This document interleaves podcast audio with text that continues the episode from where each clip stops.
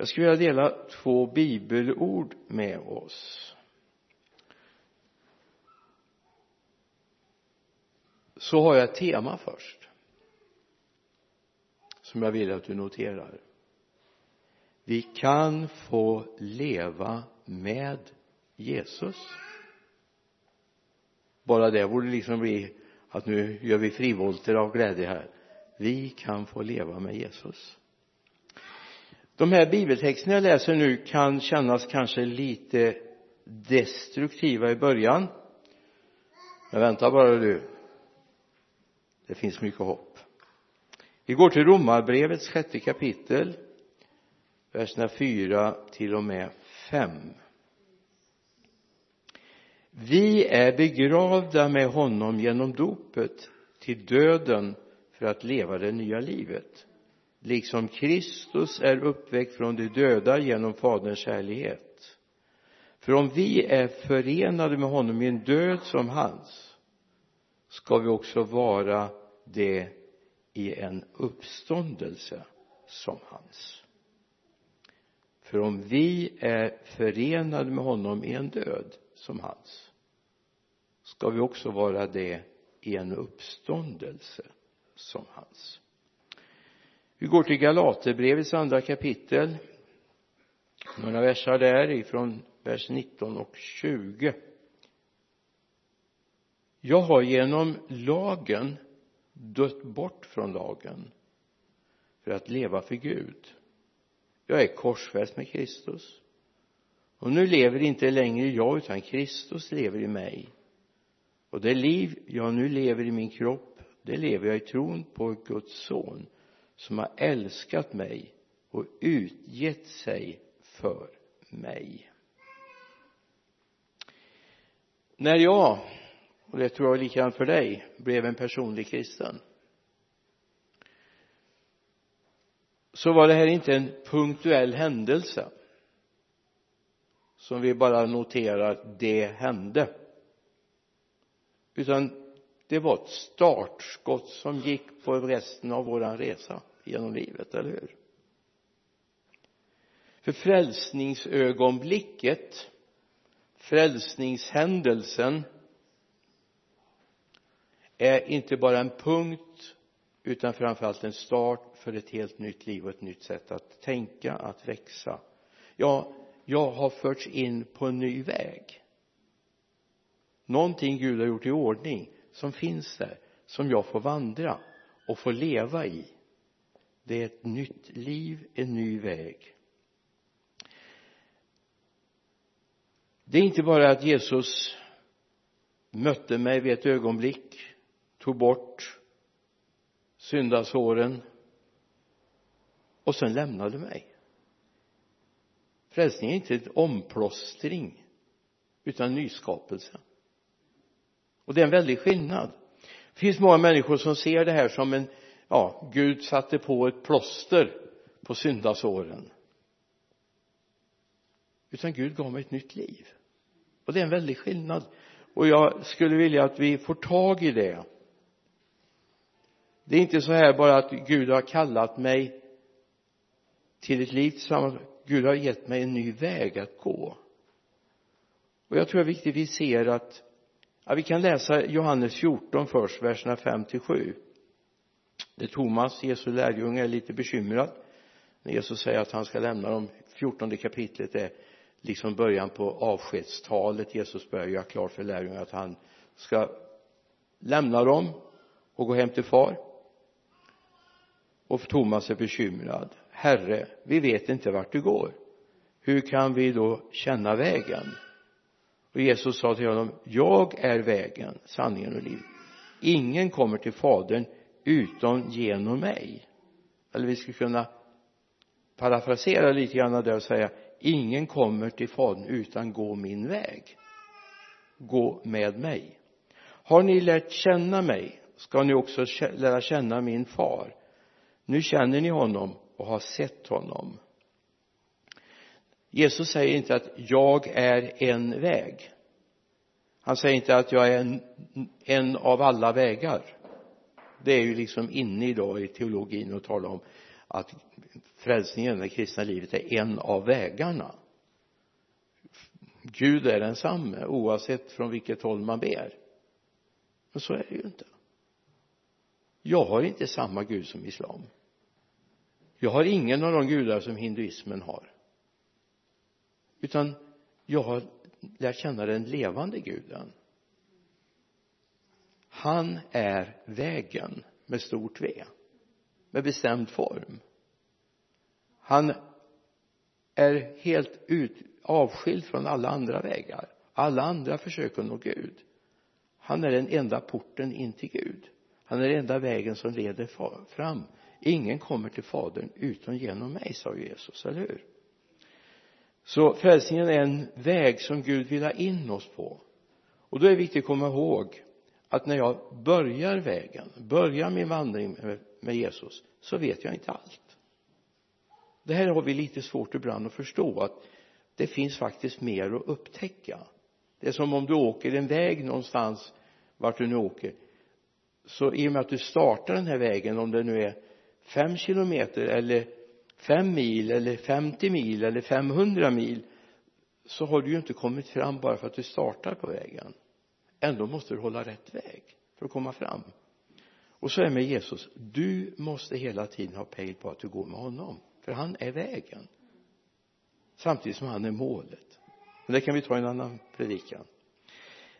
David i psalm 16 säger någonting som vi borde ha som ett kännemärke i våra liv. I psalm 16 verserna 6-9 hur ljuvlig lott har en ljuvlig lott har tillfallit mig en, ett underbart arv har jag fått. Jag prisar Herren som ger mig råd. Även mitt inre för, förmanar mig om natten även mitt inre förmanar mig om natten. Och så säger han någonting. Jag har alltid Herren för ögonen. Han är vid min högra sida. Jag vacklar inte därför gläds mitt hjärta och jublar min ära. Jag har alltid Herren för ögonen precis som om du kör bil en väg så måste du ju alltså det, det finns ju en tanke i att backspegeln är mindre än vindrutan en del har faktiskt en större backspegel i sitt liv än vindruta men det finns en tanke att vi ska se vägen som vi ska köra va? Det finns en tanke att vi ska kunna följa den väg som han är. Han är vägen för oss. Och det är viktigt att vi har pejl på vad han är. För det första konstaterar Paulus någonting om dig och mig. Då står det så här i Efesierbrevet 5, 8 några verser framöver. Tidigare var ni mörker. Det låter ju inte speciellt trevligt, eller hur tidigare var ni mörker. Men nu är ni ljus i Herren. Lev då som ljusets barn för ljusets frukt består i allt vad gott heter äh, av godhet och rättfärdighet och sanning heter och pröva vad som gläder Herren. Tidigare var ni mörker men nu är ni ljus i Herren varför då? jo vi kom in på vägen. Den vägen badar i ljus. Men om vi hamnar vid sidan av vägen så kommer vi in i mörkret igen. Så det är viktigt att vi håller oss på vägen där det finns ljus, eller hur?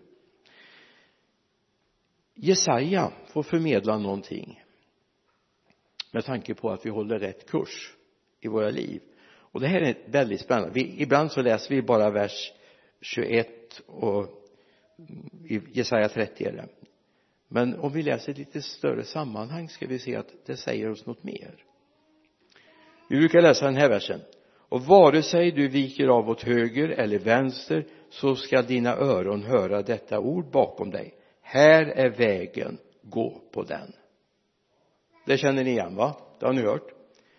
Men om vi går vidare och läser i vers 22 silvret som de snidade avgudabilder är överdragen med och guldet som dina gjutna avgudabilder är belagd med ska du då anses vara orent. Du ska kasta bort det som man som något orent och säga till det bort härifrån. Så här var steg två. Håll kursen men gör det också av med det som är orent. Då kommer vers 23 till oss. Och han ska ge regn åt den säd du har sått i jorden. Och markens gröda ska ge dig bröd som är riklig och närande.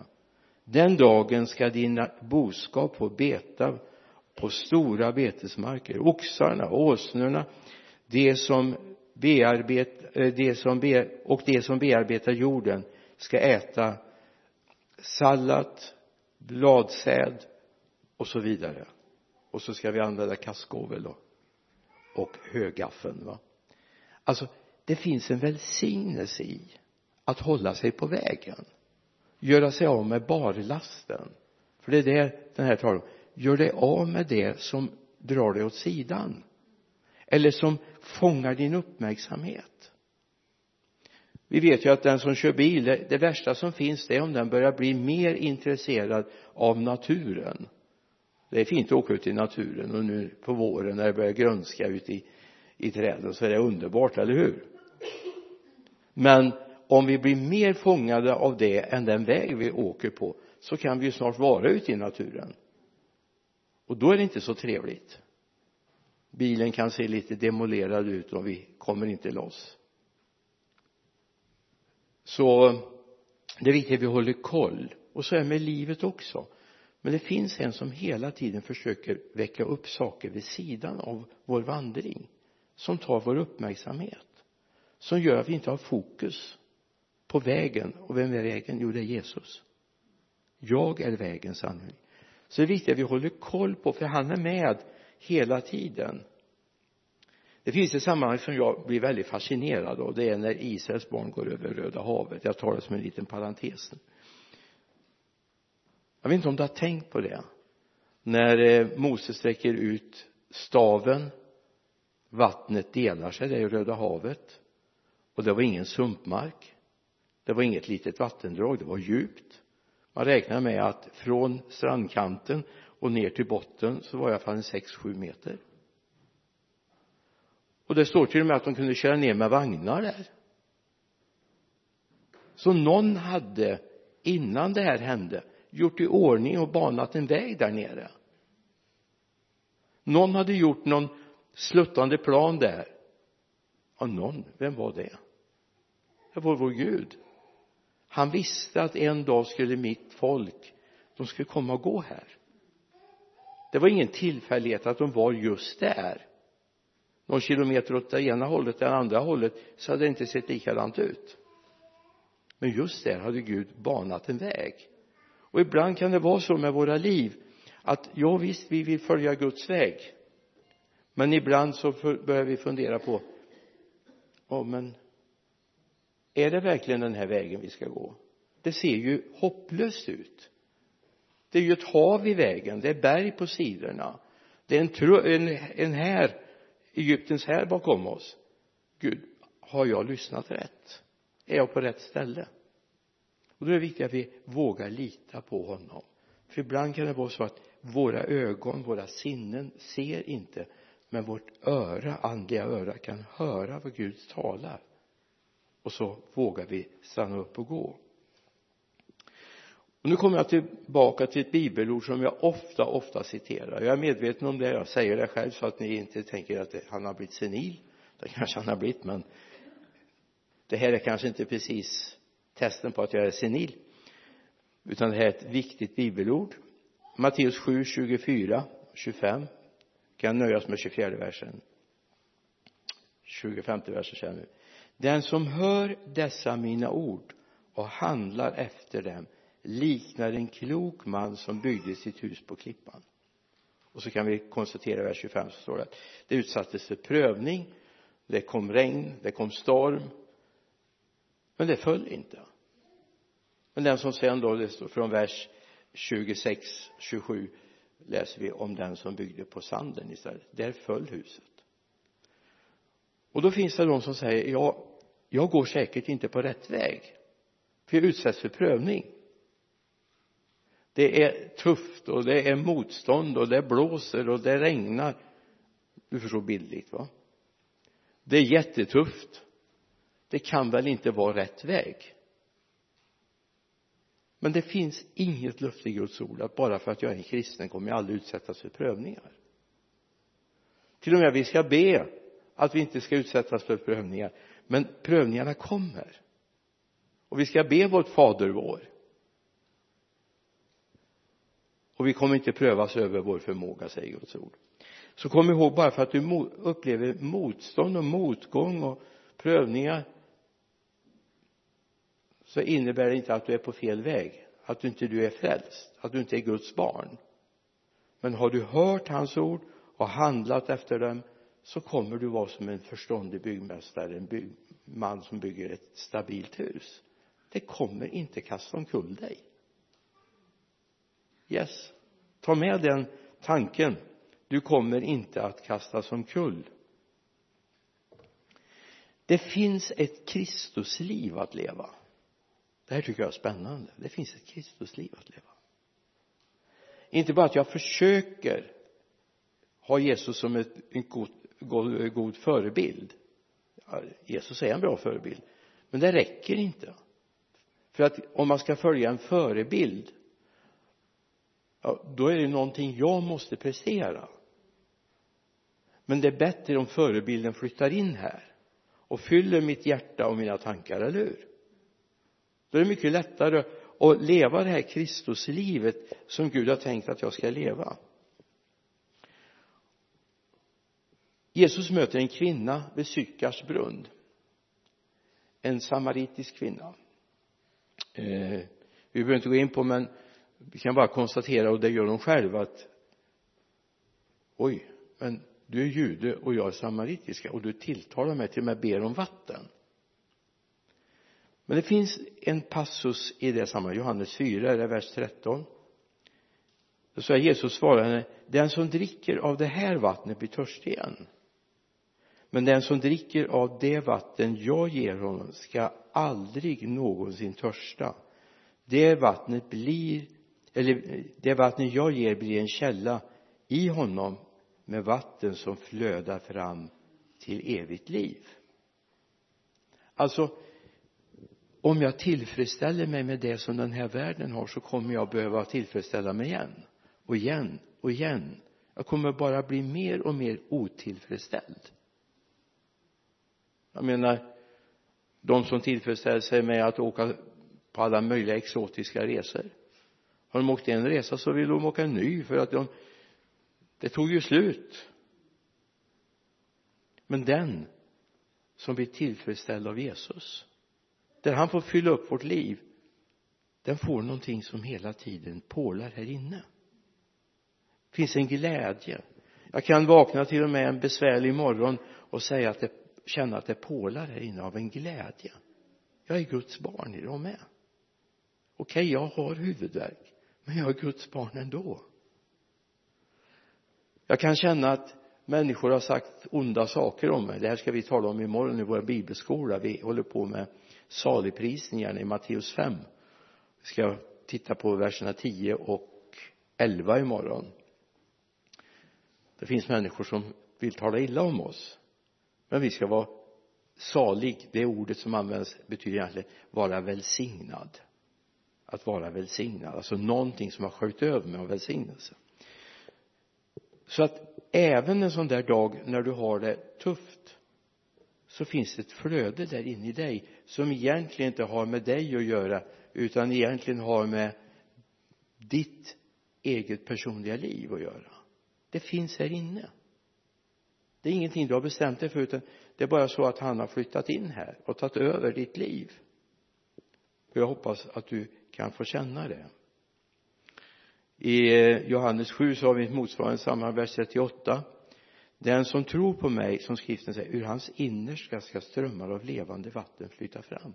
Det här sa han om anden. Hoppas du har det.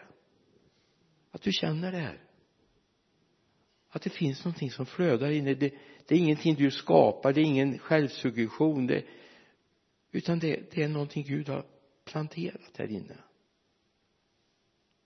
och är det någonting som du saknar av det här och då bör du be Gud om att få det. För det, det är Guds ande som vill bo här inne. Och Guds ande är inte känslostyrd. Det är vi, vi är känslostyrda. Vi kan må dåligt och vi kan ha ont och vi kan känna oss besvikna på människor och men Gud är inte sån. Bor han här inne så kommer han tala om för dig jag älskar dig även när du har misslyckats även när du gjorde fel så kommer du bara få höra inne jag älskar dig. Du är mitt barn. Jag menar vi har haft också barn som har vuxit upp i vårat hem. Det är klart de har inte gjort allting görbra. Det ska ärligt sägas vi hade anledning att, att fostra på dem ibland.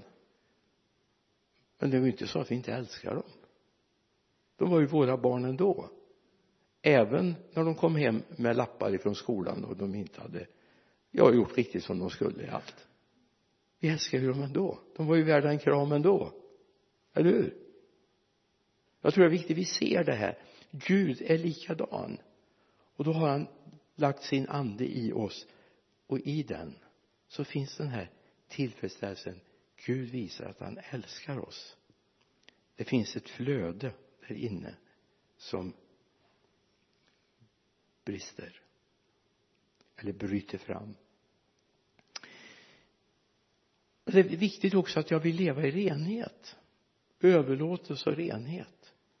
För ju renare jag vill leva befriad från den här världen ju mer kommer jag få känna av källsprånget här inne. Det berättas. Om det är sant eller ej det vet jag inte. Men eh, om vi går tillbaka på 1700-talet början på 1800-talet i det franska hovet så eh, hade man inte riktigt upptäckt det vad badrummen skulle vara bra för. Man hade inga sådana en gång. Utan man hade platser där man kunde ha på sig mer och mer parfym. För att dölja odören. Man sa att det luktade något fruktansvärt när man kom in i slotten. I, i det franska hovet. Därför man har inte riktigt förstått det här med att, ja dusch hade man ju inte naturligtvis. Men vatten kunde man säkert ha för man lagade ju mat åtminstone och ibland är det så här att vi försöker få på oss yttre grejer istället för en inre renhet. Vi försöker visa oss andligare än vad vi är. Försöker tala om hur duktiga vi är. Då är det bättre att Gud får komma och låta sitt blod rena våra liv våra tankar, våra sinnen.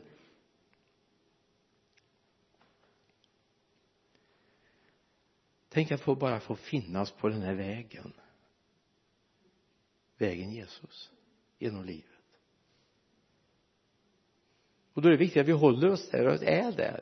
Och att vi tar vara på det Jesaja skriver till oss i trettionde kapitlet. Att det handlar faktiskt inte om eh, min prestation eller utan det finns en röst som talar om för mig här är vägen. Gå på den. Följ den håll dig borta från de där avgudarna. Då kommer ditt liv att bli välsignat. Det är ju ingenting jag menar jag kan inte gå ut. Jag menar jag har haft ett litet land. Ja vi hade ett land när vi hade hus i Vargön men och även uppe i husen försökte vi odla men då fanns det stora björkar. De svalde allt vatten så det var kruttorrt där vi försökte plantera. Så det gick inte. Men när jag växte upp så fick jag ett litet eget land och jag menar det hjälpte ju inte att jag gick och försökte dra i de här plantorna för att de skulle växa. De behövde värmen de behövde vatten de behövde ljuset. Så växte de. Och så är det också med oss vi behöver kanske inte alltid prestera så mycket men vi måste låta Guds liv få ta tag i oss och följa eller fylla våra liv och då ska vi komma ihåg i honom det finns några bibelord jag vill skicka med på slutet nu. Johannes 1 och 16 Johannes 1 och 16 det är ju det som börjar med i begynnelsen var ordet och ordet var hos Gud står det i första versen. Så står det i vers 16 och jag vill bara att du tar till dig det här. Av hans fullhet har vi alla fått nåd och åter nåd av hans fullhet har vi alla fått nåd och åter nåd så om jag frågar dig där ute vad har du fått av Gud? Så säg inte nej jag har inte fått någonting. För det är inte sant. Då vill jag bara säga öppna ögonen. Du har fått av hans fullhet av nåd och åter nåd i Efesierbrevets första kapitel vers 3 säger Paulus välsignad är vår Herre Jesu Kristi Gud och Fader som i Kristus. Och vem var Kristus? Ja, det var vägen. Eller hur? I Kristus har välsignat oss med all andlig välsignelse i himlen tror du att det är fattigt i himlen? Jag tror inte jag heller. Det finns mer än vad du kan ta emot i himlen av välsignelse. Välsignad är vår Herre Jesu Kristi Gud och Fader som i Kristus har välsignat oss med all andlig välsignelse i himlen. Får jag travestera lite grann på det här och säga så här? Om du går vägen Jesus Kristus då har du del i allt det som himlen rymmer. Allt det himlen rymmer. Du har del i att han är vår försörjare som är ett av Guds egen namn. Herren vår försörjare. Du har del av det. Och du skulle kunna ta det mer bokstavligt än vad du vågar göra jag menar det, det händer ju ibland. Kanske inte för er men vi har varit med om det. Där inte alltid pengarna har räckt när vi har gått och handlat. Ni vet predikantlöner är enormt eh, de är skyhöga det vet ni ju. Fast det saknas ju lite ibland då. Eh, men få se det här att Gud faktiskt försörjer. En syster berättade för mig jag har upptäckt att Gud välsignar. Jag trodde att det var att lönekuvertet skulle vara mer pengar i än vad det var. Eller kontoutdrag. Det var på den tiden man fick kuvert med lönerna i. Men jag upptäckte att Gud välsignar på ett annat sätt. För när jag skulle åka och köpa en klänning precis den klänningen som passar mig som hade min storlek och den färg jag ville ha den var nedsatt till halva priset det var inte de andra för det var det sista exemplaret just av den storleken. Det är ett sätt Gud välsignar med. Sen kan jag väl berätta om unge Jonas nu är han stor och han är lärare. Han hade läst i bibeln han var tio år att man skulle ge tiondet. Det och han hade på lördagen hade han fått sitt tionde eller sin, sin fickpeng han hade räknat ut hur mycket det blev. Han sa inget till mamma och pappa. Han hade växlat så han hade och la i kollekten. Och sen berättar han i bilen när de åker hem att eh, jag gav tiondet idag på fickpengen oj sa mamma det behövde du inte gjort. Du kunde ha frågat oss så kunde du ha fått pengar av oss. Nej jag ska ge tiondet av fickpengen sen stannade pappa Olle vid en affär han skulle köpa en tidning och så följde Jonas med in. Och eh, får chefen där se Jonas sen har du fått någon lördagsgodis? Ja. Ja men du behöver alltså ha lite söndagsgodis också sa han. Så plockade han ihop en påse godis till honom och sa det här får du av mig. Så kommer han ut i bilen till mamma och säger så här går det när man ger tiondet. Jag tycker den är bra och den är sann. Jag känner både Olle, Gerda och Jonas. De var helt förtvivlade över att han hade betalat sin lilla fickpeng och ge tiondet. De ville att han skulle han sa så här går det när man ger tiondet. Gud kan välsigna på olika sätt. Ett sista bibelord i Johannes 10 vers 10 då vill jag att du funderar på lite grann så tjuven kommer bara för att stjäla, slakta och döda.